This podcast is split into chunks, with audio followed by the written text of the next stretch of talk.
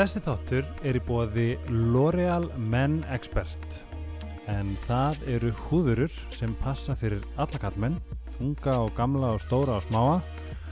En þetta er alltaf frábærar uh, vörur á frábærum prís og þær eru fáanlegar í flestum maturubúðum og apotekum landsins. Það finnst alltaf einhver uh, vara við mínum skáp en það mjög góða vörur sem ég hef persónulega mjög góða reynslu á þess að ég þakka bara L'Oreal mega mikið fyrir stuðningin hann kann ég virkilega að meta. Áfram með smjörið hér er Jóhanna Guðrún. Halló kæri vinir og velkomin í þennan þátt af Helgaspjallinu. Ég ger alltaf mjög fallegar og skemmtlegar kynningar um, í þessu podcasti en ég ætla að sleppa því ég er með Jóhann Gurnu sem að Ég fá enga, enga luxus hún er ágætis stúlka ég er með Jóhann Gurnu í stúdjónu og mörgum til mikill að gleði af því að ég um, setti í story á Instagram hvernig að ég fæði podcastið og ég fekk ansi margar alvöru? please fáðu Jóhann Gurnu Oh my god. þess að það er mikil pressa þess að við ætlum að grafa í þín dýpstu dýpstu leyndarmál. Já. Já, en velkomin í þáttin Jóhanna mín. Ertu ekki bara hress eftir jólatörna? Ég er bara drullu góð. nei, nei, ég er pínu að jafna mig. Þetta er búið að vera hefi törn. En og mér alltaf. frá þessari törn Hvað, þú tókst hvað mörg gig? Ég taldi ekki Nei. núna. Mm. Uh, í fyrra var törnin hjá mér eiginlega ennþá verri, sko. Að það? Já, uh, en ég tók meðvita ákvörðum um að reyna að gera þetta aðeins bærilegra. Já, En þetta var samt alveg hrikalega mikið, sko. mér fannst það vera allstaðar Já, veist, ég, ég var það, en, Mhm. en þetta, er, þetta er líka svo gaman, skilur það er Mhm. ógeðslega skemmtilegt að vera söngkona í, í november og desember, það er, Mhm. þú veist, þú veist að hitta svo mikið ótrúlega skemmtilegu fólki mm -hmm. og tónlistamenn eru náttúrulega skemmtilegasta fólki heimi, sko Ég og þú ert í kringum þetta fólk þessa tvo mánuði bara konstant og Mhm. það er ógeðslega gaman mm -hmm. að sama skapi er maður náttúrulega alltaf að nota líkamann og röddina og Mhm. maður er alltaf að með þessa hræðslu að missa röddina og er oft Já. nálægt í, þú veist, vegna þess að þú bara nærið ekki svefninu sem þú þart og Mm kvildin á milli gegga -hmm. ég menna stundum er ég missi fimm, fimm gegg á dag Já, þú veist og það er bara ekkit grín en, en þetta tókstu vel til núna en maður er sko yfirleitt allan í janúar að ná upp svona eðlilegri orku. Maður er Mhm. hálf svona heilalös er það janúar ekki? Jú. Þú lítur fyrir heil takk elskan, hún segir mér alltaf satt. En ég verð að segja Í brúðköpuninu, þú giftið í september Já, á þess ári og ég held ég hafi bara sjaldan skemmt mér þessu vel. Þetta var þó ég segi sjálf frá Já, En ég held að sem þú varst að segja að tónlistarfólk er bara fokkin skemmtilegt. Alveg sem mér finnst, finnst eiginlega leikarókslega skemmtileg líka. Já, já, en það var svo, það var svo geggjuð atrið það var eitthvað svo, djöfull var þetta gaman Já, þetta var svo líka, mér þótti svo væntum það, það voru svo margir af svona kollegum okkar og vinum sem að bara Mhm. komu upp á svið og, og gerðu bara eitthvað skemmtilegt alveg óum beðin sko. algjörlega bara gerði sig Já, og það var svo fallegt að sjá það og þetta var svo, gerði veisluna bara svo trillt skemmtilega sko. hvernig var að ganga í hjónaband? var það allt sem þú hefur óskaðir? Já, þú veist, ég hef aldrei verið samt svona með eitthvað væmna drauma um eitthvað hvít brúðkaup sko. Mhm. ég hef bara ekki verið ein af þeim sko. En, en hérna en þetta var alveg ótrúlega skemmtilegt og, og eitthvað sem að ég vissi að þú veist, við myndum alltaf gera Mhm. og, og þetta var bara ótrúlega fallegur og góðu dagur Þetta, þetta var svo, ég fekk, ég fekk sérst að mynda brúðköpi Já, og þetta var mikil ánæg og Þetta djö, var eða æði. að fara heim og bara svona djöfull var gaman það er örgulega það er örgulega það sem þú vilt þá ertu, þá var þetta gott brúðköp algjörlega, þetta var gott partí. Það var geggja partí. Eithór um, Ingi? Já, rétt, Eithóringi mögulega finnast það sem ég hef heyrt. Það er svo fyndið að, veist, að með að við hvað hann er búin að vera að, sko, með svona stand-up grín með tónlistinni Já. í mörg ár, þá er fólk bara fyrst núna fyrst mér að meðtaka það að hann sé svona fyndin. já, Ég hef alltaf vitað að ég, veist, búin að þekka hann svo lengi. já. Hann er náttúrulega bara algjört skrýmsli þessi gaur, þú veist, hann getur allt. Þetta, var, þetta var að finna ég bara, ég, ég gólaði Hann er ótrúlegur. Hann getur, þú veist, það er ekkert sem þessi maður getur ekki í þegar það kemur að skemmtana bransanum. Sko. já, ég bara, þú veist, ég vil ef ég giftið mig þá vil ég ráða hann sko. Já, hann er það, bara það sko mælu með því, sko. mm en við ætlum að fara yfir allt milli himins og jarðar í þú, ert, þessum. þú ert að stressa mig sko. Mm það er mjög fyndi ég er bara, veist, ég var, vorum út í gær og ég eitthvað svona hérna, já, bara lagt til að fá því podcast þegar næsti gestur hún bara, ég er ógist að stressa hvað það var að spyrja mig? Og ég bara svona, er ég er ég bara það Eitthvað. bara eins og Oprah, alveg bara ruthless spirit já, en ég held að við svona förum bara yfir það sem að ég held að eigi átt okkur djúb lindamál er eitthvað sem við vitum ekki? Mm, ekki sem ég myndi segja í podcasti eitthvað sem átt- eftir að segja mér? Nei, ég held ekki. finnst ég, ég, ég tel mig henni að vita allt. Ég er mjög einföld manneskja já, Simple Jack og ertu ekki líka svolítið með þitt upp á borði? Ég, ég held að, þú veist, mér finnst bara þægilegast að vera beinskeitt sko. Þú- ég, ég á rosalega erfitt með að halda hlutunum inn í mér ef að, ef að mér finnst eitthvað. Mm. Og mér finnst bara betra að segja, segja hlutina eins og þeir eru, þetta Mhm. náttúrulega þarf maður að passa sig að þú veist að vera kurteis og já. nærgætin og allt það en, en hérna ég veit ekki, bara ég kann að meta hinskilni ég hef líka alltaf verið á því að beinskeitt fólk þú veist, að því ég, ég kann ég held ég að vera, við kannum verið að tala um jú, ég var að tala um þetta apríl. Ég kann svo gæðveitt að meta þau að því að, þú veist, það er eitt ef ég segi, það er fín lína. En fólk sem að sagt, segir eitthvað þetta er svo, þú ert með hóri nefnu mm og einhver sleppir í að segja við þig. Nákvæmlega. Þetta er bara mjög lill dæmi. En veistu Það hvað er ég bara við? buxnaklaufin er opinn Já. Veist, viltu ekki vita það? Nákvæmlega. Og svo er líka oft sem að, sem að hvort er maður að segja þetta við hérna, þú veist, defensive mannesku það er enda hrikalegt. Já, en um leið og einhver segir eitthvað sem svona, ég get nýtt myndi góðs þá er alltaf bara, ok, yes. Eins og ég fengið í podcasti ég fengið, þú veist þú voru að læra að hlusta og ég bara, ég veit það en þá líka, þú veist, þá veit ég að ég get gert það til þess að podcasti verið betra, algjörlega skilur við Já, þú veist, uppbyggilega gaggrín er alltaf, alltaf góð ef að maður vill hana. Ég, ég Mhm. samt er heldur ekki, mér finnst heldur ekki rétt að gefa ráð þegar það er ekki búið að byggja þau um þau. Já, það finnst þarf, það ótrúlega skrítið. mér finnst þurfa að vera, það þarf að vera kærleikur í, Já, í kritisisma, skilur algjörlega. ef það er algjörlega. kærleikur þá er maður með þú veist, uh, þú veist þína tilningu fyrir bestu Mhm. eða þín, þitt success fyrir bestu skilja Já, og einmitt, ef þú ætlar að gaggrína, þú veist, þá, ég veit ekki, það er, þarf að vera innan svona, það þarf að vera ákveð fólk, þú veist, þú, þú ferð ekki upp að einhverjum sem þekkir sára lítið og byrjar að gefa einhver, hérna, Mér finnst þú að er ekki verið í þessum lit já, þú veist, það er bara, það er bara algjörst nú. Raukt ferður kringlunni. en Ah, ég verð að segja þessi, r- þessi skerbleiku glimmergliru faraði mjög vel takk fyrir. ég elska að labra inn með skerbleik power glimmergliru Mhm. ég vissi ekki sem það væri með Ég gliru þóri, ég þóri því. honey. En við ætlum líka að fara þegar málur við höfum, ég held að við, veist, ég og þú höfum kannski dekkað margt, en það Já. er margir sem fólk úti veit ekki. Já, al algjörlega. Ef við byrjum til dæmis á það sem ég pínu forvitin er sem sagt barnastjörnu tímabilið Mm hvenar og hvernig byrja þetta veist, frá grunni, veistu hvað ég við um, ég náttúrulega vissi eiginlega alltaf að ég yrði söngkona. Þetta, Mhm. þetta er svolítið skrítið, þú veist, kannski ekki á hvaða, þú veist, leveli það yrði eða neitt svoleiðis. Ég vissi bara að ég ætti að syngja mm. og, og þetta er svona, og ég hef talað um þetta við, þú veist, fleiri söngvara sem að eru bara að vinna við þetta. Mm. Þú veist, þetta er stundum svona eins og köllun þú veist að verða söngvari þetta er eitthvað svona sem þú bara verður að gera og þetta getur verið rosalega gefandi starf líka Mhm. Veist maður er að syngja í alls konar aðstæðum stundum er maður að syngja á stóru sviði Mm.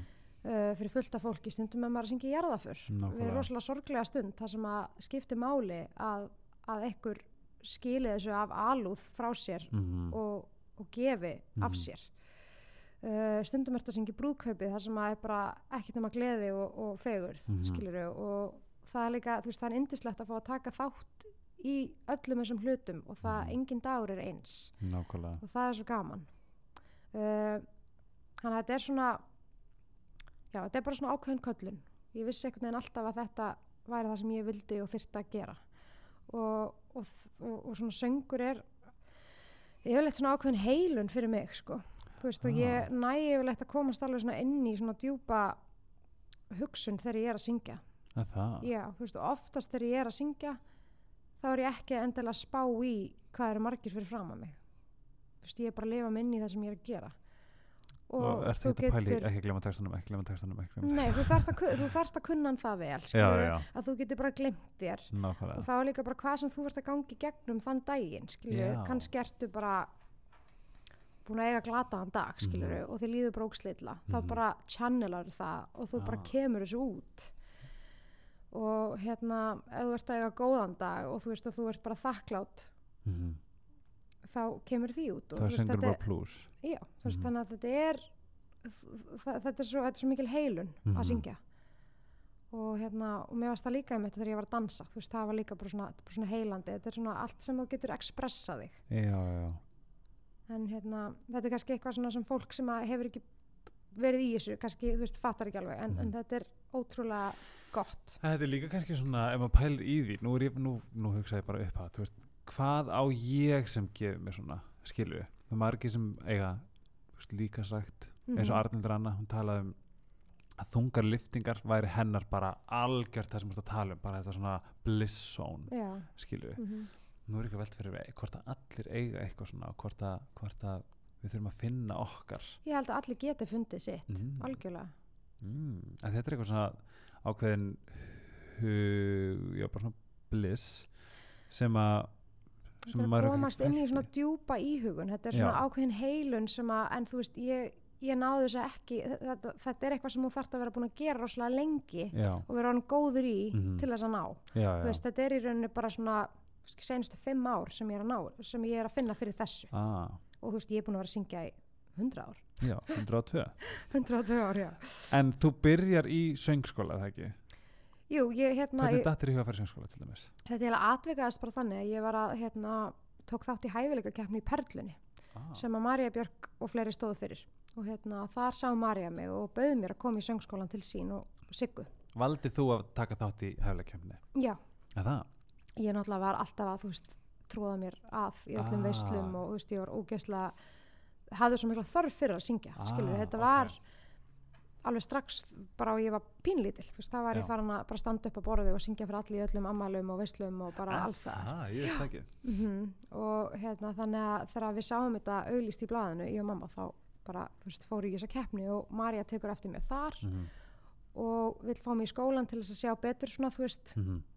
hvernig ég er og Mhm. hérna og þannig byrjar boltin að rúla bara og þú, hvernig ertu komin í hvernig ertu komin í skóla, þetta er áttara eða eitthvað? Já. er svona, þú ert bara nýkomin í grunnskóla eða eitthvað, enda að syngja og svo allt í einu áttara ertu komin í söngskóla og hvernig kemur fyrsta platan út? þegar ég, ég söng inn á hana átt ára kom út þegar ég var nýjara Pældi því. Það er Mm. bíóstjarnar mín hann já, ég gleym ekki hann að ég sjálf platan. Þetta var eitthvað svona varst að fíla hana ég elska, já, gjössanlega og við vorum alltaf í, sagt, vorum alltaf þrjú hlusta á hana. En mér fannst ég gleyma aldrei sko þessu lægi bara nákvæmlega þessu já, lægi ég sjálf. Kann það utan að venn þá í dag. Ég vil finna fyrir því.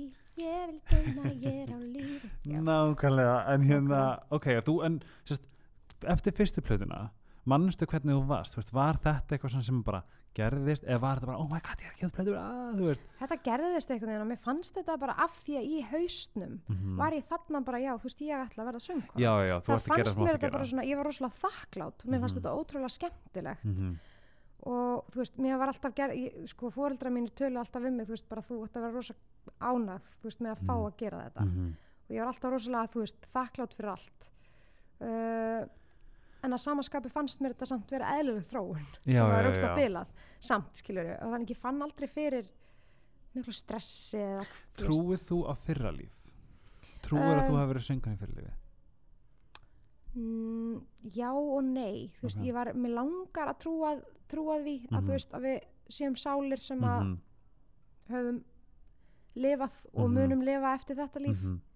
það er svona falleg hugsun en þú veist náttúrulega vísindin veist, er, fara á mót okkur þar. Ok, þannig að þú veist, ég er svona svona stuck between sko, hvað mér finnst. Einmitt, en ég virði báðar skoðanir fólk það er pínlítið þess að það hafi poppað út bara og þú varst að bara reddi já, þú veist, ég var alltaf svona kettling. Ég var alltaf svona lítil kettling. Að Þú það, veist, og bara ég talaði rosalega háfleikt og var rosalega svona þegar ég var yngri. Mm að því ég alveg, þú veist, ef, ég er á samanskap og þú, veist, ég, ég, ég er ekki komin það langt að ég veit hvað ég trúa í þessum málum, já, en ef einhver fær mig til að trúa að verið, einhver hafi verið óperusöngara í Fraklandi sem að datt, uh, þú veist uh, onni sviðið og bara færi sér beint yfir í, þú veist, fæðinguna þína Já, því ég trúi alveg ég veist hvað já, já, það nákvæmlega. henni alltaf verið hannig Já, ég hef alltaf verið mjög gömul sál sko.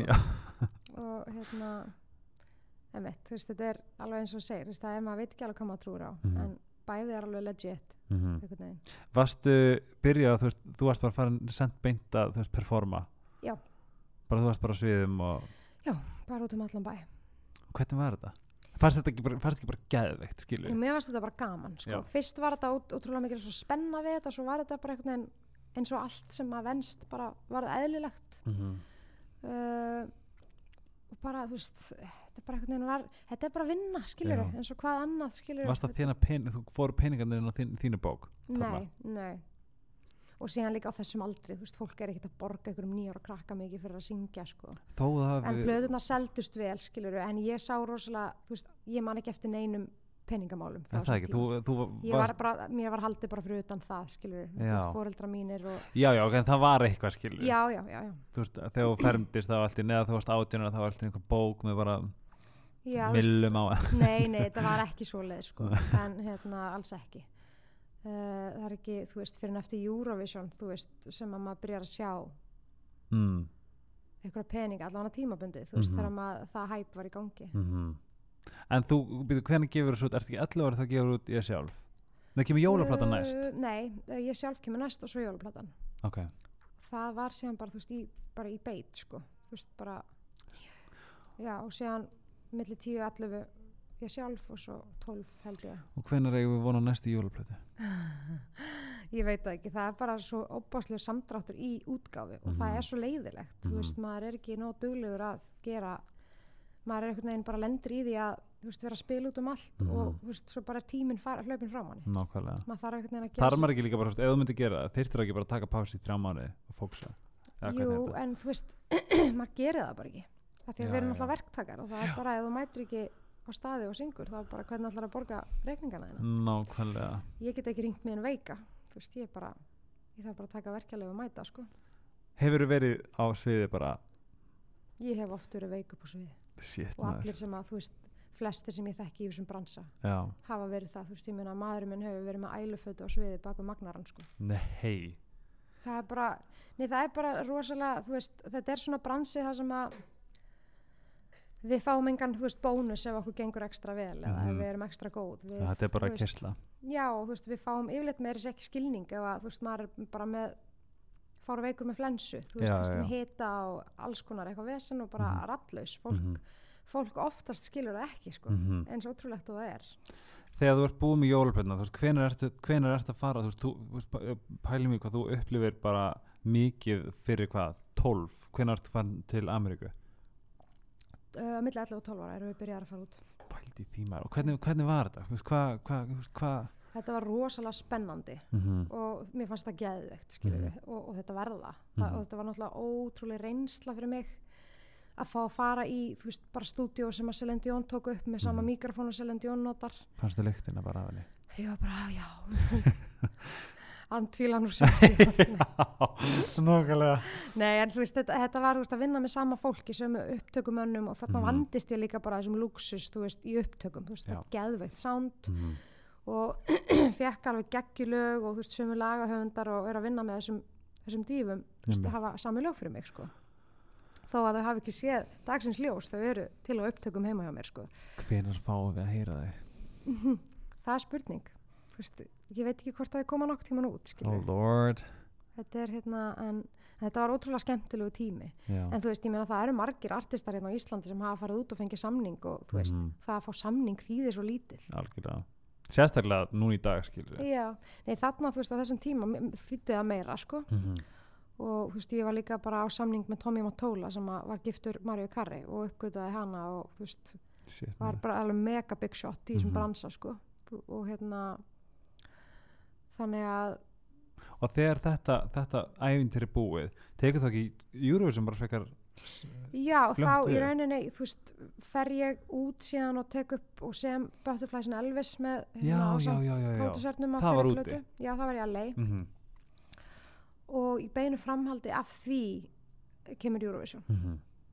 bara svona kemur upp í hendunar á mér einhvern veginn Mhm. sko. Og Hittust ég- við eftir að fyrir Nei, við hittust fyrir, já maður. Já, þú tókst myndir af mér Mhm, þegar fyrir ég var að fara að í Eurovision. Fórkeppninni inn í makk í Smáralind Var það í forkeppni? ég held það, Að það, varst það ekki búin að vinna? ég man það ekki. Ég man ekki heldur. En ég man bara og svo tókum við einhvern tíma myndir. Ég er bara svona einhvern veginn rifið upp. Svo tókum við einhvern myndir, þú, þú varst valin besta söngkona þetta árið ekki? Jú, Manst ekki þú varst með hana einhverja, vorum í, upp í skóla jú, með jú, jú, jú, það var svolítið, þú veist, það var eftir Eurovision keppnina, bara stóð já, úti. á, fyndi bara svona allt í einu var þetta rifið- rifast Já, upp fyrir já. því við erum, sem sagt- við erum stort shoutout by the way til Scott Production sem leiður okkur að vera í rífinu þeirra. Við erum sagt hérna í luxusrými, hérna við, hvað er það, Gröndaðan, hvað er það? Þetta er mörk, Skeifan? mörkin. Mörkin og svo er hérna hinum einn þar sem við vorum. En já, þú veist, en hvernig, ok, svona yfir í Eurovision, því en eins og margir vita, þá er ég örgulega einn af þeim stærstu Euro homsum úti, já, já hér whatever. en hvernig var, þú veist, hvernig, þú veist, því þetta var stórt já, Fatt, þú veist, þú ert alveg, þú veist, þú ert alveg lúmst grounded, hvað þetta varðar að því ég er kannski aðeins mjög hæpaður en þú þegar við erum að ræða þetta já, ég er oft svolítið dofin held ég. Ah, þú veist, alveg eins og með þetta Eurovision dæmi, ég var ekkert neginn bara svona já, já, þú veist. Mm, en það var unnið statt og stöðugt í þessu, þú veist, allt sem að maður gerir uh, sem gengur vel, það er massíf vinna bak við það, þú veist, eins og ég æfiði á einasta degin í World Class með Jasmine Olsson já, og hún var líka koreografir atriði sem var Mhm. náttúrulega, þú veist, bara svona rosa minimalist en Mhm. það skipt samt máli að koreografir það því að þú Mhm. þarfst að horfa í þessa myndavel á þessu orði, svo skiptir um og síðan kemur kamerumæðurinn hérna megin við þig Já. og það er alls konar. Þarna átt að reyfa hendina. Og þetta verður líka svona ómeðvitað ekki? Jú, þannig að þú veist, þarna fórum við og æfðum alltaf, þú veist, bara hún er enga þjálfari líka. Mm og svo eftir það fórum við alltaf upp í hérna sal í World Class og hérna æfðum bara atrið, -hmm. alveg bara oft oft. Mm og Hvað þetta sengst gerðum þetta við. lag oft? ég hef enga töl á því, ég hef fungið að endalust og hérna þetta var líka bara gert til þess að andlega undirbúa mig. Já, þú veist, ég var kannski löngu, löngu búin að ná þessu skilur og þetta var löngu komið. Uh, en þetta var gert alveg bara viku eftir viku og hverjum degi, þú veist, bara til þess að og ég þakka henni alltaf fyrir það vegna þess að hún alveg síðan alltaf áður en ég fór að sofa þá sagði hún ímyndaðir bara hvernig þetta er bara lyktina, Mhm. labba bara að sviðinu. Mhm, þú veist, þú færð tæ, svona tæki á þig, sitt það í eirun mhm. uh, síðan labbar upp á svið kemur þér á stað og þessu. þú veist, og svo bara byrja lægið og þú syngur það í gegn með öllum hreyfingunum Já. og alveg þangt þú neyir þig Já. og þakka fyrir þig Mhm. gera þetta einu sinni bara alltaf ára fyrir að sofa þannig að þegar ég kom út einhvern veginn þá var ég búin að gera þetta svo oft í hausnum að þetta var ekkert sjokk Varstu kannski bara autopilot? Bara, þú varst bara löngu búin að gera þetta 120.000 sinnum bara í ég líka hausnum bara þegar þú ert að syngja veist, í Moskvu, í Rúslandi það eru 150.000 manns eða eitthvað, veist, Já, á staðnum þetta, nei, þetta varu, hérna, höllin, þetta er stærsta höll sem hefur verið, sko, Já, í Eurovision. Þetta var bara, hérna, fólki, þetta hljómaði ekki eins og þegar allir klöppuðu og Mhm. rópuðu og svona, þetta hljómaði bara svona eins og þrumur, veist, þetta var svo, ég hef aldrei, En mannst eftir Lifir þetta í þér? já, og hérna, þannig að, þú veist, ef þú ert ekki búin að gera þetta, Mhm. þá, þá bara það er doomed to fail, skilur, Mhm. þú verður að vera búin að andlega undirbúið af því þessi keppni er svo að þurfa að framkvæma þennan þú veist, hlut, Mhm. að standa þarna og syngja, þú verður að vera búin að andlega undirbúið Mhm. annars bara eru allt, allt og mikil hætta á því að þú bara, þú veist, klikkir. Og líka sko 150.000 manns og svo hvað 150 miljónir að horfa. Já, þetta er, þú veist, þetta er bara Þetta er, þetta er fáraleg tala sko. Nei, maður reyndar ekki alveg töluna ég held að ég sé ekki aðeins um 150 en þetta, er, þetta var, þú veist, þetta er bara svona vangefin tala í Mhm. höllinni, þetta var Mhm. rosalegt, sko. En það sem kannski, ég veit ekki hvort að margir vita en þú varst alveg að ströggla líka hefju í, í varandi hérna, veikindi a- þarna úti Já, ég hef náttúrulega verið með gikt síðan ég var 8 ára, eða greint, þú veist, frá 8 ára aldri og, uh, og þarna semst var ég ekki ennþá búin að fá almennileg giktalif sem virkuðu vel á mig. ah. Því þeir voru alltaf í vandræði með mig, þau vissi að ég var með gikt, blóðpröfunar hafa alltaf verið óðlilegar og allt þetta. mm Búin að vera að prófa mig áfram á alls konar lifjum sem bara virkuðu ekki nógu vel. -hmm. Og þannig að ég var bara, þú veist, bara með pulsutær og þú veist, ég var bara að drefast í fótunum og með verki og allt þetta.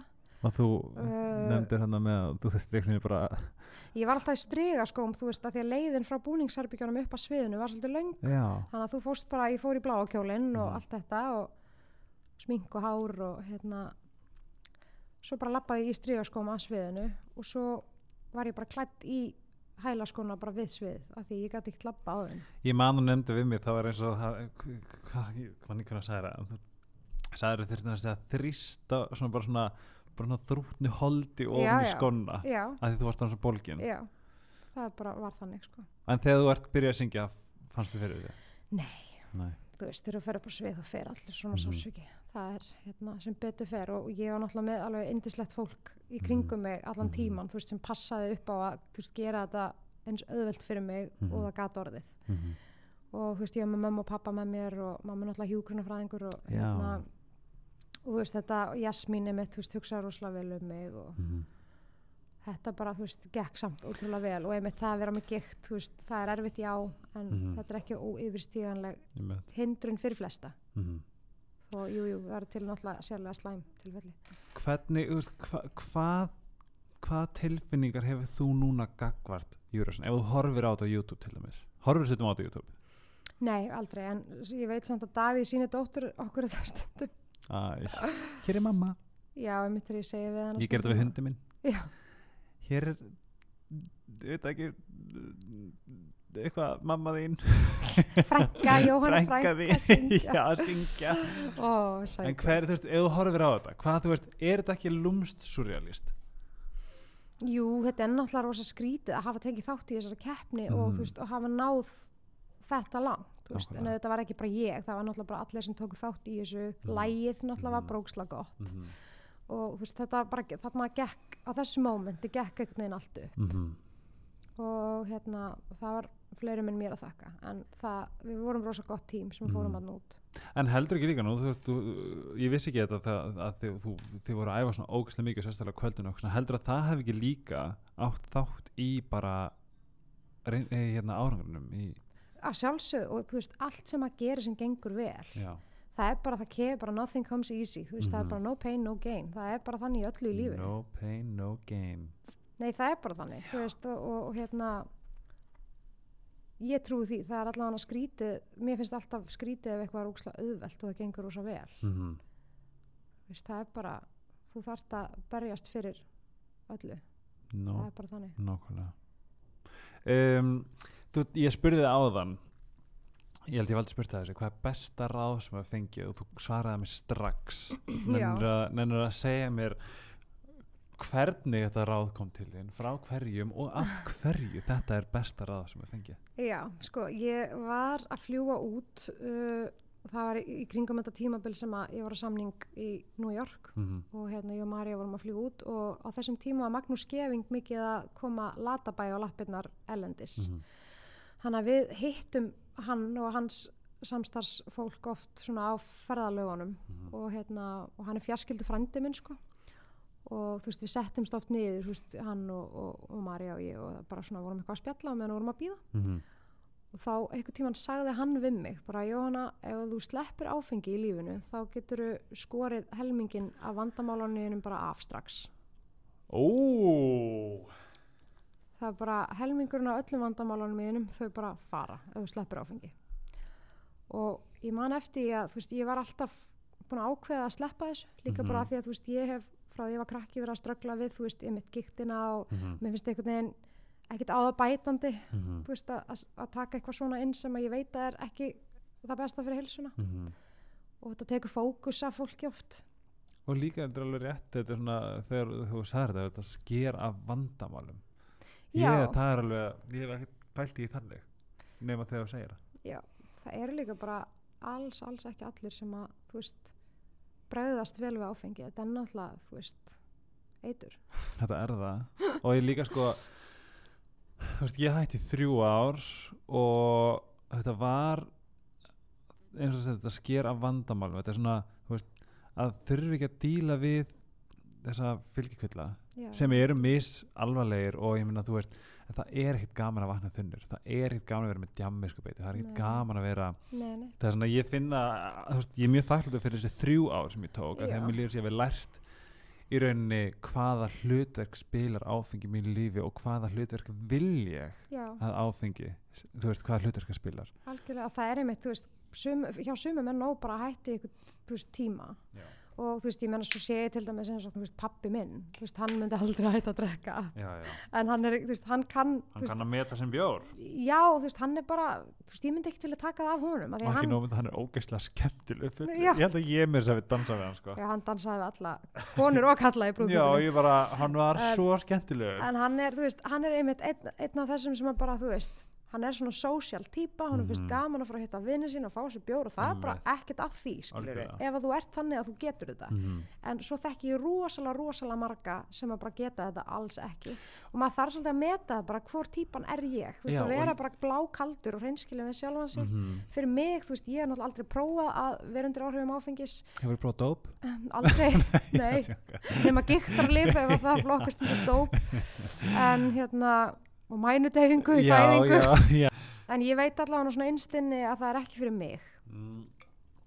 hefur einhvern tímann hugsað ó, ég vildi að ég hafi var í að þú veist þú veist, líður eins og hafi mist út veist, B5 eða eitthvað nei, nei, alls ekki. Ég- ég, nei, alls ekki. Ég hérna er svo mikil partypúper sko, þú veist, ég Mhm. elska bara að vera heima á kvöldin bara, þú veist, vera búin að svæfa stelpuna Aha. og þá bara horfi ég á okkur þátt og bara, Mhm. þú veist, ég fæ svo sjaldan þessi mómenta því ég er svo ofta að spila á kvöldin já, sem já, er náttúrulega skemmtilegasta sem ég geri Mhm. en þegar ég hef tíma fyrir mig þú veist, til þess að slaka á þá vil ég Mhm. bara slaka á og mér finnst, þú veist, ég er alltaf að skemmta fólki Mhm. og það er bara nóg fyrir mig ég man þetta getur eftir ammæli 2010 Mm. hefur ekki verið ammæli 2010 Mm. það er bara geggja partí og þú veist bara mega hress já, já, þú veist, þú veist, það Ég er bara, dett alveg í, veist, nei, nei, ég dætt alveg í fíling ef að, veist, aðstæður eru þannig og ég er Mhm. með þannig hópa fólki Mhm. en ég verð svolítið svona félagsfælin þegar ég er í kringum marga sem ég þekki ekki Já, og það er, þú veist, allir að drekka og mikið læti og svona, Mhm. það er Hefur, bara svona er lokast þetta áriti? Þú veist, hefur fengið áriti? já, já, þú veist, það það er ekkert sniðut fyrir mig að fara nýr í bæ eftir klukkan eitt á, um helgi, sko Mm -hmm. Það er bara, þú veist já, það er bara ekki Ég sniðut get alveg mynda bara Ef það var einhver tíman sem við vorum held ég á hverfis þegar þú komst, þá varstu það fimm í þetta var löngu, komst eitthvað fimm í fötum með sunnu eitthvað svona og það, það var allt bara, þú veist, það, það flikst til þín og þá Já. fórstu strax. Ég ég, man líka, þú mjög veist, vel ég, þú veist, ég er ekki að drekka. Já, já, og þú veist, ég er ekki inn á ég er ekki komin í þetta þannig gýr sem allir eru. Þú algjörlega veist, og þá einhvern veginn oft eftir svona klukkan eitt Það var þetta bara skrítið. Já, þú veist, þá eru bara allir komnir eitthvað annað Mhm. svona, þú veist, í huganum mm -hmm. og og því líður bara svolítið eins og sért einn. Já, já, já. Og hérna og þá það maður líka bara hafa vit fyrir því bara ok, þú veist, ég ætla bara að fara heim. Mhm. það er bara fínt. Það er ekkert að því að fólk sé að skemmta sér og sé í stuði Nei, og þetta verður fólk bara opnara þú veist, það langar að koma og tala við mann. Uh, Eftir Eurovision Rópa hérna, Jésús Dóni. Um, Eftir Eurovision, það er, þú veist, 2009 já, 2010 býtum við, þú kynnist Davíð 2010 ekki satt? 2011 uh, var það ekki 2011 2011 ég, kannski. jú, ég var að verða, ég var 19 að verða 20 það er rétt, það er 2011, ég mæn eftir núna. Já, en svo verður The Preggers 2000 og hvað, 13 2014 hún fæðist nei, hún fæðist 2015 3. oktober 2015 og hún hún fæðist er svona lítil. Já, hvað er er hann þryggja nei, hún var orðin þryggjara er hann orðin, já, hvernig átt hamli í oktober, 3. já oktober það er rétt, hvað já. You imbecile. Æ, já, svo mörg börn, ég bara can't keep track. En hva, hvernig var það? Hvernig, þú veist, móðurhluturkið og hvernig var hvernig var ferlið? Hvernig var óléttæðin sko, mér fannst svolítið erfitt að vera ólétt. Mm -hmm. ég upplýði ekki þetta þú veist þetta hennan óléttu ljóma. Ah, ég, mér fannst þetta bara einhvern veginn að þú, þú lánar einhverju mannesku líkamaðin já. í nýju mánuði. Mm og hún bara yfirtekur hann Mhm. gjörsamlega, þú veist, ég meina fyrstu þrýr, fjóra mánuðinir voru hræðilegir þú veist, mér það? leið ógeðslega. Og hérna og uh, já, þú veist, ég einhvern veginn svona mér fannst ég ekki sæt þú veist, ég bara ljót og feit og hérna ég var rosa mikið úti bara með hundana að Ah, lappa og þú veist, ég fann mér svolítið þar bara já. en varstu Eh, mikið að vinna þarna? nei, ekki eins mikið og ég, ég er að gera í dag og líka Mhm. ég er í áhættu meðgöngu eftirliti með hana vegna þess að úst út af giktinni já, já, já og hefur þetta þá áhrif getur það blossa Já. upp eða eitthvað já, og þú veist, hún var til dæmis frekar lítil þegar hún fættist mm. á meðan við Mm. þú veist, og hérna bara það þarf að fylgjast vel með og þú veist, ég var sett á stað af því að um, uh, hérslátturinn í henni var hann hraður já, og þú veist, ég var alveg komin alveg brjálaðan bjúk, sko, þú veist, ég misti 11 kíló á viku eftir hún fættist, sko ég, ég sá bara geða krútlega myndir þá sá ég hvað það var pínu bjúð mér finnst það mjög krútlega mynd það er þú veist, ókvæmlega sætt Mér finnst það ekki sætt. Ég, það ég get ekki hort á myndir af mér, sko. Þú veist, ég verða alveg bara svona oh lord. Þú veist, ég bara, ég, ég- ég, ég- er bara svona ægón eitthvað sætt en ég maður sá alveg þetta var alveg smá bjúð skilju þetta var, þetta var meirinn smá, þú veist. Ég, ég, þú veist, ég, ég vildi helst ekki fara út, sko. En, þú veist, hann fór bara á viku, mm Mhm. skilur mm uh, Þannig að, hérna, en svo náttúrulega er allt, þú veist, tekur allt annað við þegar hún fæðist. Mér finnst það náttúrulega bara indislegt, skilur Mhm. þegar ég fekk hann í fangið og, og svona það sem mismöndi hvernig konum verið slíða. -hmm. Sumar eru bara að elska þetta. Mér fannst hérna, þegar svona þú fannst þið vel í þessu hlutverki já, líka bara svo skemmtileg hún er náttúrulega, hún er alveg snillingur þetta bat, þá ég segi sjálf frá. Já hún er geggið sko. Hún er snillingur, hún er hefur skapið frá móðu sinni greið já hún hefur líka pípunar ég hef aldrei heyrt krakka öskra eins hátt.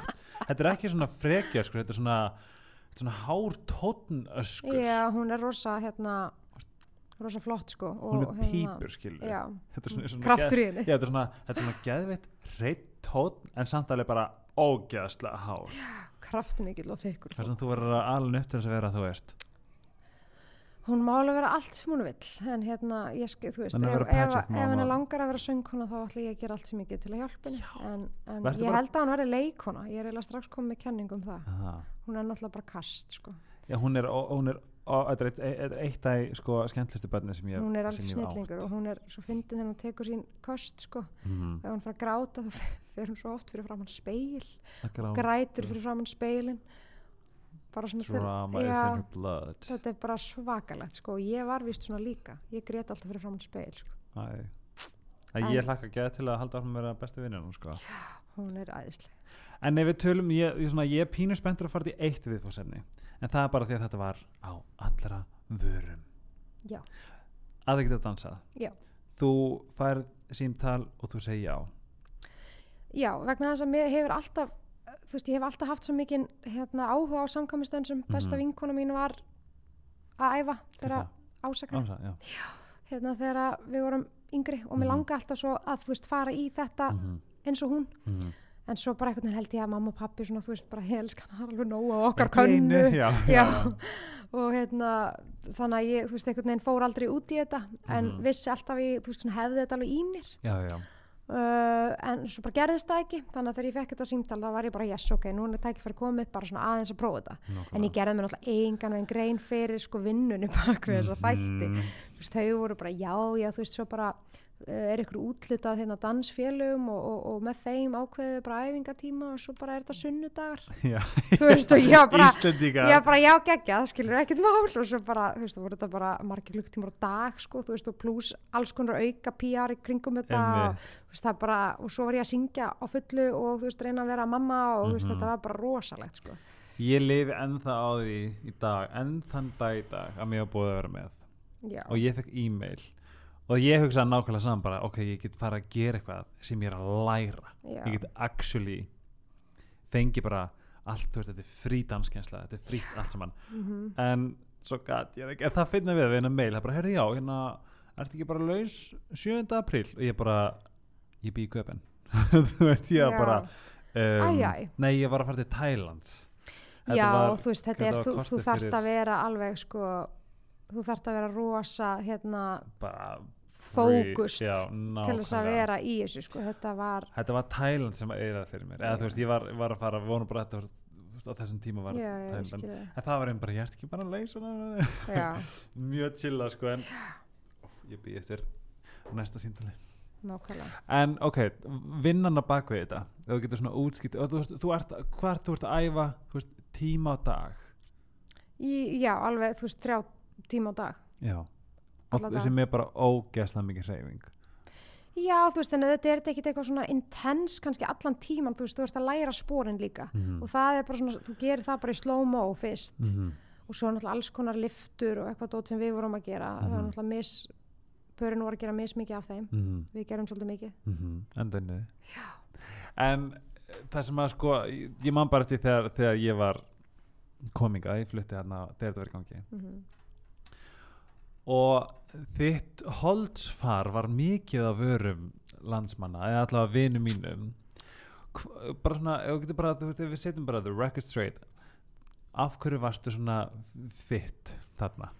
Hvernig tókst þér þetta? Eh, Það, það í rauninni er ekkit, þú veist, ég held að ég sé þremur kílóum þingri núna, sko. Já Þannig að, þú veist, það er ekkit eitthvað, þetta er bara mataræði. mm. Þú veist, mataræði er alltaf allt og svo náttúrulega, þú veist, þegar þú ert að gera svona mikið kardió eins og dans Mhm. er, þá náttúrulega bara, þú veist, legur allt auka sem er utan á. mm En ég hef alltaf verið alveg rosalega vöðvastór. Mhm. Þú veist, bara síðan ég var krakki, það er til myndir af mér í sundi, þú veist, þegar ég var bara smábarn og ég er bara með sixpack, skilur Mhm.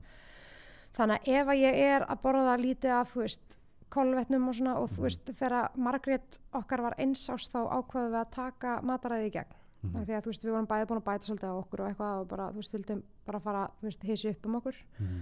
Og tókum út sko hveiti, sigur og síðan setna meir mjölkuvörur, tók það út seinast Ok. en ég held inni samt einhverjum osti, mozzarella og svona Mhm. uh, og þá bara einhvern veginn Lag. bara lag allt og þú, þú sást bara í vöðvana og allt skilur, en Mhm. þetta var alveg en ég fór að keppa sko, ég held bara Mhm. fólk hafi ekki verið búið að fatta ok, og svo þetta náttúrulega samt gegnum alveg gangandi, gegnum þáttin þú veist, fór eitthvað svona eitt og allt auka kíló á mér bara út af, þú veist, kardíónu sko einmitt en sko, þetta er þetta svolítið góða punktur þið takið út sigur hveiti mjölkuvörur og mjölkuvörur Já. og hvað, þú veist, var það easy?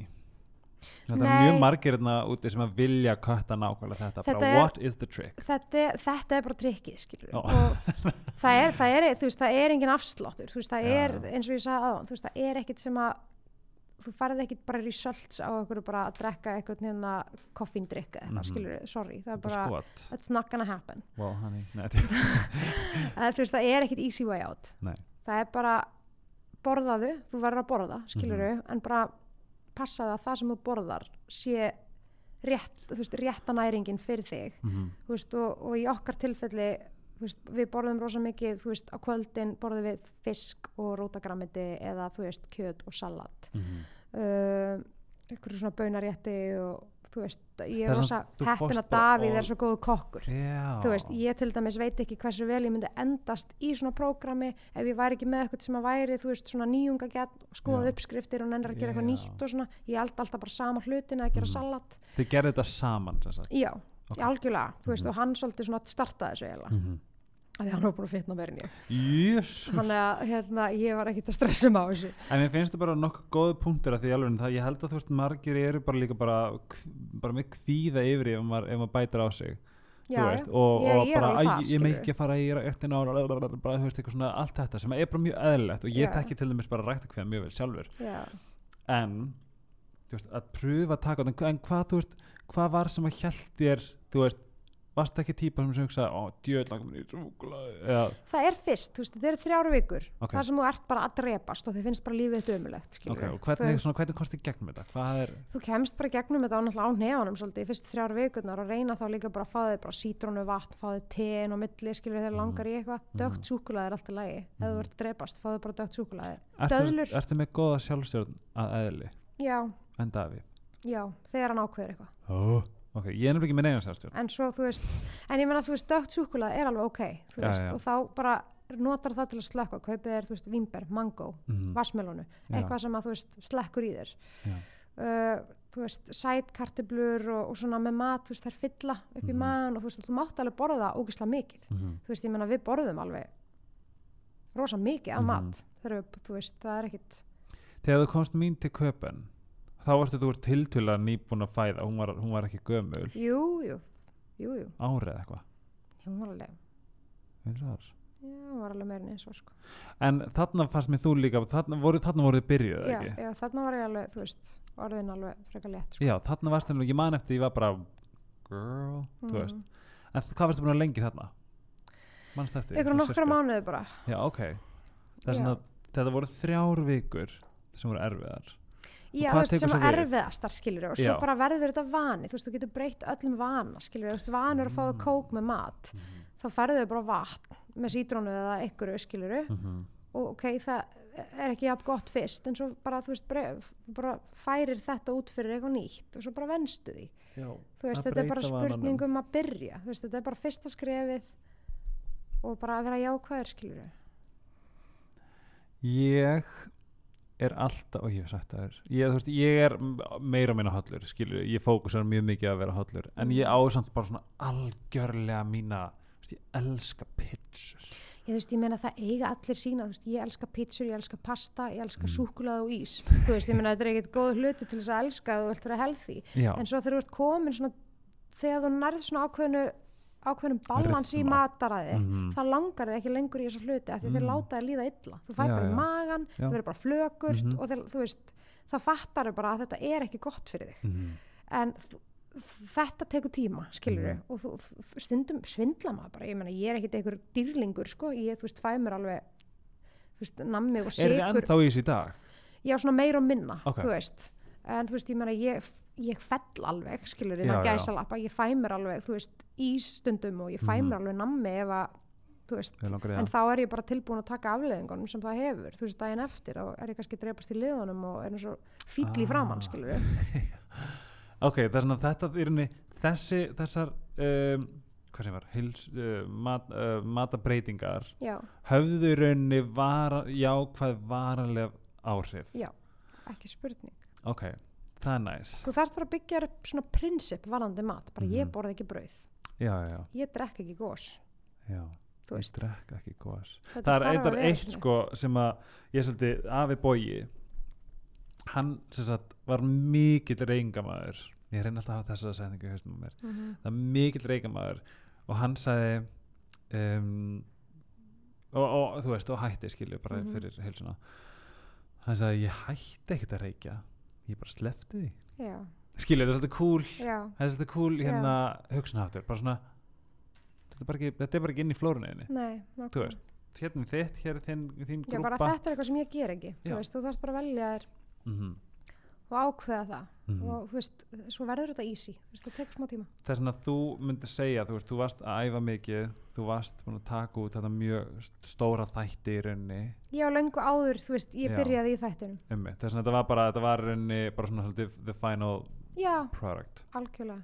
Að þetta er líka bara svona þú veist fólk fyrir ræktina og svo köttar það í lokin. Já, þetta Já, var bara svolítið eins og loka köttið. Já. Og svo eins og ég segi, þú veist, ég er alveg fáránlega vöðvastór. Mm og hérna, þú veist, það er bara við erum svona sískinin pappi, við við höfum þetta frá pappa hérna, ég held að hann fór í eitthvað íslensk, hérna hefur íslenskri erðagreiningu eitthvað svona rannsókn, hann er með sko 35% meiri vöðvamassa en meðalmaðurinn og 30% meiri beinþjarni í alveg, ég man ekkert mann við sískinin erum örgla með eitthvað, eitthvað búta af þessu Einmitt. sko.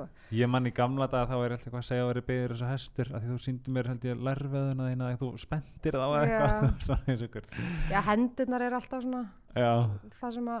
þú alltaf veist, ég fæ aldrei svona skinny arms, af því Mhm. að þú veist, ég er alltaf svo stóra vöðv undir þessu það er svona vottar fyrir það að þetta var gert allt með náttúrulegum og heilburum Já, Eh. guð, ég, þú veist, ég myndi ekki taka, þú veist, ég meina, ég er svo mikill fasisti, skilur, ég Mhm. drekk ekki, ég reik ekki og veist, ég myndi aldrei fara út í það, sko, þá myndi ég Mhm. freka bara vilja vera tjöppi, sko. nákvæmlega en það er það sem ég, ég sko, ég get alveg núna þegar við erum búin að heyra þetta fyrir þér þá þetta er það sem ég sagði alla hérna bara hún er vaksin eins og hestur, hún er alltaf verið þauðastór og hún hætti að drekka hérna, er bara sigur, Hætti að að drekka hætti bara sigur, hveiti og ég vissi, ég, man, ég vissi ekki hvort það var mjölkur en eitthvað svona, það er bara já það en fólk vill alltaf heyra þetta juicy eitthvað, já, bara, já, herrðum byrja á brennslutöflum og, og Já. hérna, eitthvað svona kæfta. er hún á brennslutöflum þetta er svolítið svona fólk vill heyra the juicy stuff Málið er líka, ég hef ekki svona mikla trú á, þú veist, þó þú myndir byrja að taka ykkur brennslutöflur sem ég hef aldrei prófað, en Mhm. þú veist, ég bara hef ekki trú á því að það gerir þið eitt og sér grannan. já, Þú veist, þú, það, þú þart alltaf að put in the work. mhm, og, og þetta, þetta er ekki svona mikið mál hotlu matur er æðislega góður ef þú leggur Mhm. bara smá umhyggju í það sko. Þetta er nefnilega, ég hef alltaf sagt þetta, þetta er svo, þetta er svo, ég mun aldrei skilja þetta hvernig, þú veist, ég, já, þú veist, ég, ég hef verið típan sem að gjörsanlega, þú veist, þarf bara að klára pókana því við klára ekki pókana það til á morgun og líðum bara ógæðslega kvöld. í Og staðan ég- fyrir að henda pókan já, og bara svona ég veit alveg hvernig mér er að fara að líða. Mhm, Þú veist, ég veit það, já, en samt ger ég það. Þetta er svo destructive thinking svona, Já. þetta er svona meira að kynnast þessum djöfli sem er bara, hei, borða bara pókan hei, klára það, klára það, það er ekki til Já. morgun. Ég held samt að flestir eiga sér eitthvað sem að þeir get ekki skilur algjörlega, þú veist eins og fyrir mig er það sigur þú veist ég er Mhm. bara háð já og þú veist meiri sér þegar ég segi ég tók út sigur mm ég er samt ekki að segja að ég aldrei veist að ég borði aldrei sigur skilur það gerist alveg vegna þess að ég er bara þetta er minn djöfull sigur minn líka, arta grínast mm minn ég líka. kveiti, ég get slefti þú veist þó ég elski pítsur og allt þetta Mhm. ég get alveg sleft þessu. Mhm. en sigurinn er bara mitt vandamál gott að heyra Jóhanna því að confess. ég, ég tók út sigur þá var ég bara, uh, ég mun aldrei geta það. en svo að segja, þú veist, þetta er samt þinn þú skilur, þetta er minn djöfull fyrir og með því samt að vera með þessi prinsip skilur Mhm. þá gengum hann betur Mhm. að þú veist, eliminata þetta og, og hérna sikta frá þú veist, Mhm. og þú kannski leifir þér ekki nærri því það sama mm. segjum að þú festar ís til þarna, þú, þú bara fucking maður hvað það er mongið að ís dagurinn eftir hugsaður ok, beint á beinabröðinu aftur ababab, eitthvað svona já, eða hugsaður, ok, víst ég gerði gæri ég get alveg gert í dag. Nei, ég hugsa aldrei þannig. Oh, beint á beinubröðin aftur. Oh, nei, bara ef þú dettur og stendur upp kallið minn. Ef þú dettur þá stendur upp kallið minn.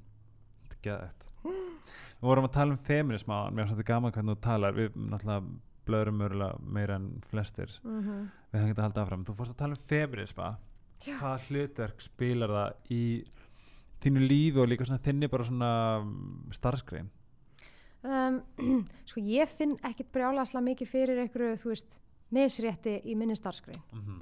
uh, en það er kannski bara því ég er heppin þú Mhm. veist, og, og ég er kannski bara í þannig stöðu Mm -hmm.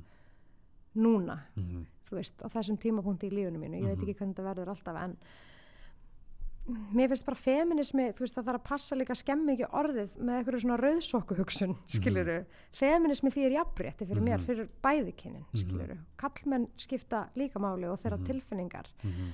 en, en það að, við, að, það að, að báðir bæðikinin fá að blómstra Mhm. skiptir bara svo miklu máli Mhm. og að við konur fáum að séum ekki titlaðar líka bara sem frekjur og herfur ef að við Mhm. vitum hvað við viljum Nákvæmlega erum góðar í því sem við gerum og Mhm. byggjumst ekki afsökunar á öllu Mhm.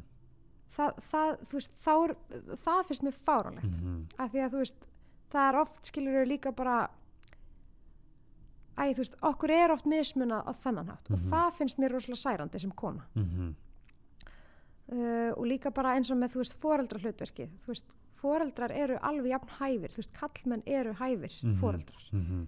absolutt þú Mhm. veist, og við getum alveg skipt Mhm. jaft og Nákvæmlega mér finnst oft svona, þú veist þetta, er- þetta er samt, við erum komin rosalega langt á Íslandi með Mhm, þetta algjörlega en, en þetta er samt, það er, það er alveg ennþá smá í land Mhm. mér finnst bara gott að, ég elska þetta sem þú sagði varandi þú veist að, að, að sterk kona sé titlu sem einmitt frekja eða þetta eða eitthvað an, annað.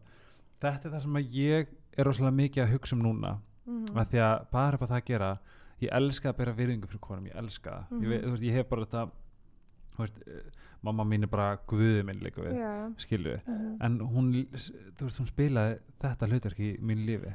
Það er svona einmitt að titt og svona, þú veist, sér maður bara hvernig það var með með, ok, ég ætla ekki að nefnda þetta er árumóndarsköpið þannig já, málið. Já. En skilju, þetta var bara í, þetta- að titla konur sem eitthvað neikvægt að því að þær eru sterkar, að því að þær hafa skoðinu að því að þær um, láta kannski hérna þú veist, uh, hvað er þetta hérna veist, hafa um, skoðun gegn einhverju sem Mhm. tengir til dæmis uh, færaveldinu eða uh, kall Já. stjórn eitthvað. En þetta var sem þú sagði þetta á hann, við fekk bara svona nákvæm fucking lega mér finnst líka að við þurfum bara, þú veist, sem foreldrar og það skipt svo miklu máli að, að báðir foreldrar séu meðvitaðir um þetta, mm -hmm. að ala upp stelpunar okkar, Mm þannig að þær séu ekki alltaf, því ég tek svo vel eftir þess að ég er með, þú veist, við erum með kóra -hmm. og sem að, þú veist, þetta er starf sem ég alveg elska, þú veist, Mhm. að fá að sinna, Barn, við erum með barnakór, unglingakór og gospelkór og það gerist eitthvað á milli barna og unglingakórsins, það? Þarna byrjum við að vera meðvituð og stelpunar, þú veist, það tekur mig alltaf rosalega langan tíma að fá stelpunar til þess að þóra og bara gera og hafa bara, þú veist, bara náðum út úr skelinni, af því eins og Mhm. ég segi við þar, ég sagði mér alveg sama þó að þið syngið eitthvað hástöfum og röttin brotnar eða þið verið falskar, mér alveg sama, ég vil bara að þið kýlið á það, Mhm. ég vil bara að þessi pungur í þessu skilur Mhm. Þú veist, Eða ekki, ekki Eða já, það píka í það þessu. nei, þú veist, ég vil ekki að það sé að byggast afsökunar á eitthvað svona, þú veist, ég, ég vil frekar að þú reynir og þú sért bara, það er miklu auðveldar að tóna hlutina niður Mhm. heldur en að krista upp eitthvað sem að er, Ú, er þú er veist, svolítið góð setning. Það er og það það, er það bara stelpur að mega tóna taka niður. það er mega að vera stórar það er mega að vera sterkar og það þurfi ekki að byggast afsökunar og vera alltaf svona settlegar og sætar. Mhm. þú veist, hérna og ég er ekki að segja, ég fæ alveg eintök þú veist, karaktera sem eru svoleiðis. Algjörlega, alls konar frá náttúruna hendi sem er frábært. En það er rosalega stór prósenta af ungum stúlkum í dag sem eru þú veist og það er líka bara þú veist við erum allt sem við horfum á í kringum okkur þú veist í fjölmiðlum, Instagram allt þetta, Mhm. Snapchat, þetta, þetta er allt svo fullkomið. Ég meina þú veist ég er að fylgja Kardashian systrónum Mhm. þú veist og maður skilur ekki hvernig geta það að vera svona ógislega sætar og með allt á hreinu og Einmitt. bara það er allt fullkomið. En þetta er náttúrulega bara tilbúin veröld skilur Algjörlega. og maður þarf að vita það. En þú veist þetta unga fólk kannski veist veita og þeim er sagt það en það er samt einhvern veginn það þurfa að það þarf að vera þú veist, ein- einhver þarf að sprauta inn í þér já það er, það er, það eru svo hrættar við mistök. Og það er það sem ég finnst svo erfitt að sjá þú veist að það, mistök eru eðlileg við megum alveg gera mistök. Og mistök eru góð við lærum á þeim og svo þurfum við líka að passa upp á strákan okkar Mhm. að því að mér finnst líka bara þú veist í nútíma samfélagi mér finnst gott þú veist að, við, að báðir fóreldra sér út á vinnumarkanum allir fá blómstra Mhm. en það er rosalegt álag á öllum að samaskapi, það Mhm. eru allir þreyttir þú veist, Mhm. mamman er að vinna ógislega mikið en svo finnst hún samt þurfa að þú veist, baka þú veist, alls konar kökur fyrir badnamalið og Já. vera búin að þrýfa allt hátt og látt og vera með þvottin og og Já, þú veist, og eitthvað svona. Og pappin er alveg ógislega þreyttur líka því hann þarf að vera fullkominn faðir en Mhm. samt því hann er jafn mikið og þú veist, kallarnir gerði í gamla dag og þú veist, Einmitt. þurfa allir að vera ógislega sætir og í góðu formi og og ég mann eins og sveimar bara, Já, skilur þegar þú segir þetta þá finnst mér líka svo einmitt að hugsa til þess. Bara nú er ég í sambandi með kallmanni Já, en þú veist, við fáum sem tveir kallmenn af, af það sem við, þú veist, þekkjum af uh, society og bla bla bla, bla. Mhm. við fáum að vinna svo þjætt saman við, en að því að það er enda plantað í, í konunar í dag, svona þær þurfa einmitt að baka sjö sortir, gera þetta, þetta, þetta þá er henni, þú veist, ekki það að þær getur vera sterkar konur og algjörlega feministar og bam bam bam, já, já. en það er ennþá þetta. Þetta er svo djúft já, í okkur. Þetta er svo ógislega djúft í okkur. Já, ég finn það eins og þú veist, nú eigum við hund og ba, ba, ba, ba, ég er saman með manni. En við okkur, þú veist, ég finn ekki fyrir neitt neinu svona, ég Nei. á að gera neitt frekar Nei. en hann. Nei, og í rauninni mega bara allir hérna taka gay sambönd fyrirmyndar það er kannski meira jafnvægi í því það er bara, að, það er veist, bara jafnvægi já. bara hvernig Já. splittu þessu upp það Já, er enginn sem þetta ger er líka, þú veist að því að núna er ég að segja þetta en þú veist, ég upplifa alveg hellingsjafnvægi þú veist, í mínu sambandi, skilurðu. ég á mann sem að til dæmis, þú veist, eldar miklu meir en ég, fer Mhm. meira í búðina og þú veist, Mhm. ég er ofta að gera alls konar hluti og hann hugsa um badnið og, Mhm. og svona, en þú veist, þannig er- erfileikar hjá, e- bara innra með manni sjálfum veist, og við þurfum líka að passa það bara, þú veist, bæði kynin Mhm. að horfast í augu við það Einmitt. skilur að vera bara ok, þú veist, núna er ég bara búa til eitthvað, vesen, Mhm, mhm. þú veist, ég á ekki, þú veist, eins og meira þess að Davíð segir stundum við mig bara, Jóhanna, þú veist, þú þarft ekki að gera þetta, slaka það Mhm. bara á. er veist, að eins og þú sagðir hann þetta er ennþá í okkur þetta er ennþá bara frá Já. þú veist, frá þess vegna einmitt er jafnrétti og þetta svo Já. mikilvægt Og einmitt bara að, að, veist, að passa upp á börnin okkar frá byrjun, Mhm, skiluru, að, mhm. að reyna, ég veit að veist, allir fóreldrar vilja gera vel Mhm. og, og svona, þú veist, erum, það er engin fullkomin og guðminn góður, ekki ég, en hérna, en þú veist, að reyna að planta því inn í, veist, börnin okkar Mhm. frá byrjun. talandi börn Hvað? ég fekk ein fyrirmæli þegar, ég, þegar hún kom inn Þegar hann kom inn? þegar þú komst inn Já, þú, ætlar ekki að líða þeim greinlega. segðu mér, af hverju guppaði þú á tónleikum með þú ringa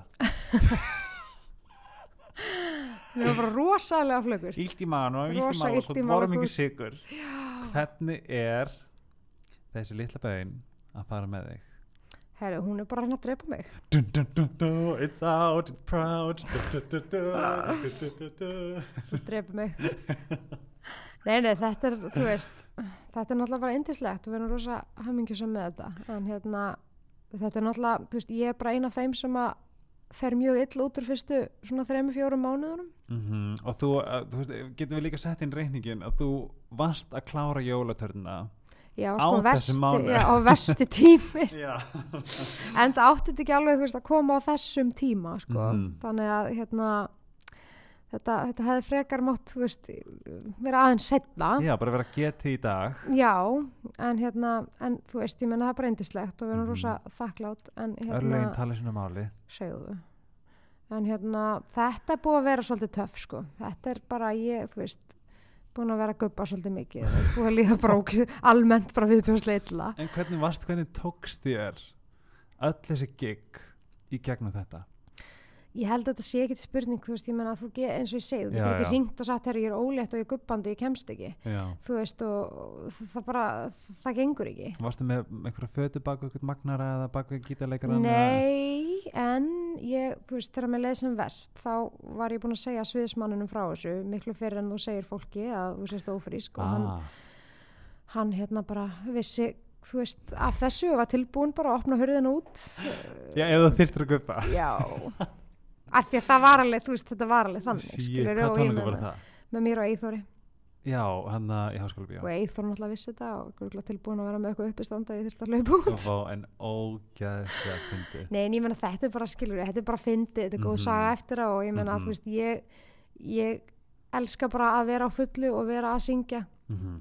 og hérna ég hefði ekkert viljað hafa þetta neitt öðruvísi og þetta Nei. bara hjálpa manni að komast í gegnum þessa mánuði og gleyma Mhm. sér þá frekar í, þú veist, Nákvæmlega í einhverjum verkefnum frekar en að hérna leggja heima og, og, og alveg upp í sófa nei, og þú bara, það finnur svo mikið fyrir öllu sko. já, já. en hérna já, það- þess að þessi krakki er að fara svona bara nokkuð vel í þig Já, þetta er svona, ég er, ég er bara býst fastlega við mikilli hérna, afsökunarbeðni. já, seinna barni En- skal, skal kaupa húsandegur Já. Nei, nei, þetta, þú veist, mér er byrjað að líða mikið betur núna, en þetta Mhm. er búið að vera rosalega erfitt, en þú veist, ég meina, ég veit að lang flestar konur ganga í gegnum með það, skiluru, Mhm. og ég held bara að konur fá bara ekki nóg, kredit fyrir það. Er þú veist, konur sem eiga, þú veist, 5, 7 eða eitthvað börn, skiluru, Mhm. ég bara skil ekki hvernig það er hægt, þú veist, Nei. ég væri bara dauð, sko. Sem kallmaður sem að hef valla fekk sparki pungin sko Já, pældu í því hvað þið eru að gangi gegn, líka bara hvað líka minn er að gangi gegn Ég menn þú veist að búa til líffæri og bein inn í þér, Nákvæmlega. skiluru og hérna þetta er náttúrulega bara kraftaverk þetta er, veist, þetta er gjörsamlega og hérna maður er bara heppin að þú veist, það náttúrulega er ekkit allir sem fá að gera þetta. Og ekkit Mhm. allar konur sem að fá að gera þetta. En hérna þannig að maður er bara sjúklega þakkláttur en þetta tekur sinn toll allavega á mínum líkama. Þetta er bara, þú veist, mér líður bara þú í þrjá lítur þetta mánu mjög vel út. Takkaði fyrir, you look good. Takkaði fyrir. Ég hérna, búin- ekkert bjú núna? Ekki með, nei, hann kemur í restina skan. ah, hann kemur, ég er alveg nokkuð viss um það. Ef þið sjáu mig eins og fíl hérna einhver staðar eftir einhverja mánu þá er það bara þá vitið af hverju. Hann er mun fara. Ef ég er upp á sviði að syngja og er alveg eins og flóðhestur þá bara Veitu, hvenar er, hvenar er due date ég er náttúrulega bara komin rúmar 15 vikur sko, þess vegna er ég ekkert mikið að eitthvað announcing this. En þetta verður komið út aðeins þá en hérna en um, þannig að ég er sett í júni þriðja, nei, fjórða? í lók júni en mér, ef þetta verður eins og síðast með Margréti þá verður ég sett á stað eitthvað fyrir út af ok, giktinni stefnum á þriðja júni 3. júni, ok, Margréti 3. oktober þannig að það verður bara 3. alltaf Býtu, hvað er þú? Hvað er þú? Þú ert í- 16. oktober Ah, það er ekki að vera 13. oktober mm, og Davíð er 21. seft mm, engin tenging þar Nei. en ég mæli með 3. júni ok, það er góð Það- dagur og ef þetta er strákur það færi lítið mig ekki er það nú verra Já, það er nú, það oh, það er nú gott það er svona, þú ert spennt fyrir framtíðinu hvað er í, um, þú veist, what's next það sem að er, það er bara fullt af tónleika haldi veist, það er bara ógislega já, ég menna það er náttúrulega bara this is what I do. Is okkur langar bara svo jólaplötu. Bara við- okkur, ég og landin hérna það sem er næst er íslensku perlunar í bæjabjói við erum með tvenna tónleika þar. Perlunar, hver eru það? Íslensku perlunar, það er bara ég og hljómsveit og Já, hérna ok. að syngja bara íslensku perlunar það sem Já. að mér finnst vera íslensku perlunar Ah, ég held að vera eitthvað svona, þú er svona íslensku dífurnar. nei, Já, en hérna, bara ég it's solo. just me Mhm. og hérna það er, ótrúlega, já, það er ótrúlega skemmtilegir tónleikar og við erum búin að gera það tvisar svona áður og hérna svo er Celine Dion í februar það er uppselt Núna, já, er það þe- þeir sem seldist upp? já, Hvað eru þeir?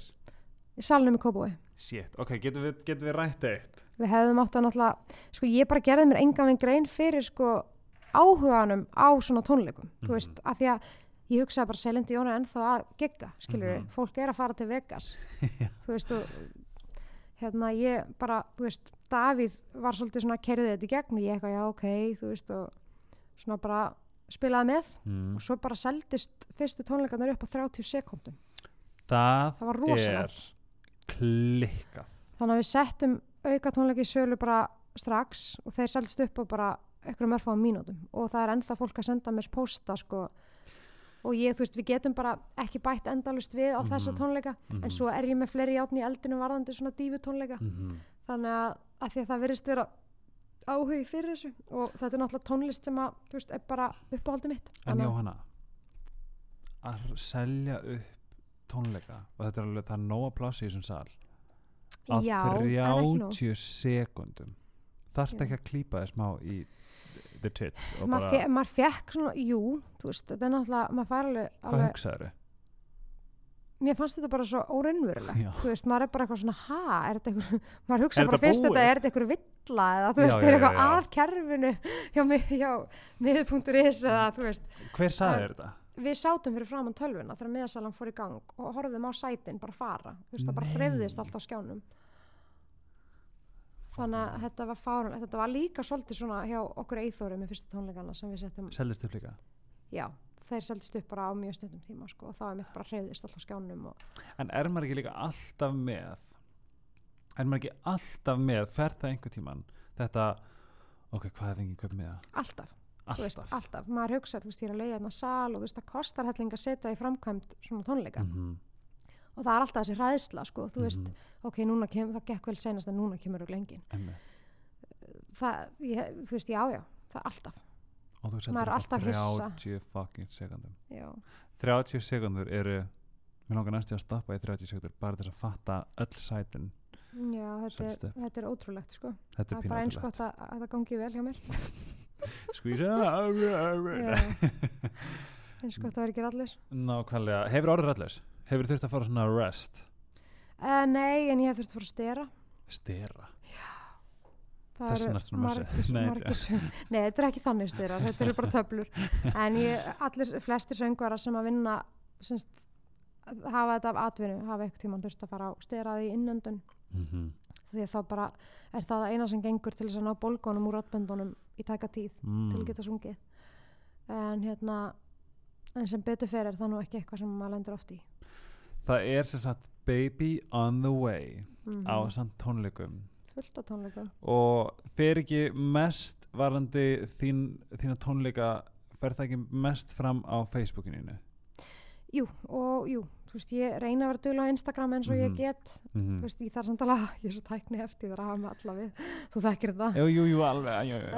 um, en þú ert það góða við Instagram þetta er að þú sýnir meira frá persónulífinu já, Það þú veist, það er bara já, það, ég er nefnilega, þú veist, þegar ég er að syngja mm þú veist, sem er náttúrulega ógislega oft þú veist, Mhm. ég tek eiginlega aldrei myndir af því vegna að Mhm. þá er ég bara að syngja. Þú veist, ég hef ekki tíma til að vera taka selfie. Nei, þú veist, og svo bara gleymi ég því þú veist, ég er bara einhvern veginn inn í, inn í verkefninu sem ég er Mhm. að gera og get ekki hugsað um það að vera að taka myndir Einmitt. sem er samt kannski dúlislæmt en en við fáum að sjá skilur alltaf persónulega. Það er það og það Instagram heitir Johanna Music. Já, möðsulóni Ufslon og H-A-N-N-A H-A-M-M-U-C nei, S-I-C ok, whatever, Johanna, Johanna Music, og like síðan á Facebook heiti hvað? það er bara Jóhanna Möðsulóni bandstrykki Jóhanna Guðrún. Þú veist þannig að þú finnir bara Bæði, bæði sko. Jóhanna Guðrún eða Jóhanna. Það er alveg svona stórleik síða sem ég með og, hérna, og það, það fara allar upplýsingar þar inn varandi miðasölu og alls konar. Já, já, já, en það er, svona, er það meira gerast dagstaglega á Instagram, þú veist, varandi myndir og eitthvað svona. Einmitt, en þú veist, ég kem öllum upplýsingum til skila á Facebooki.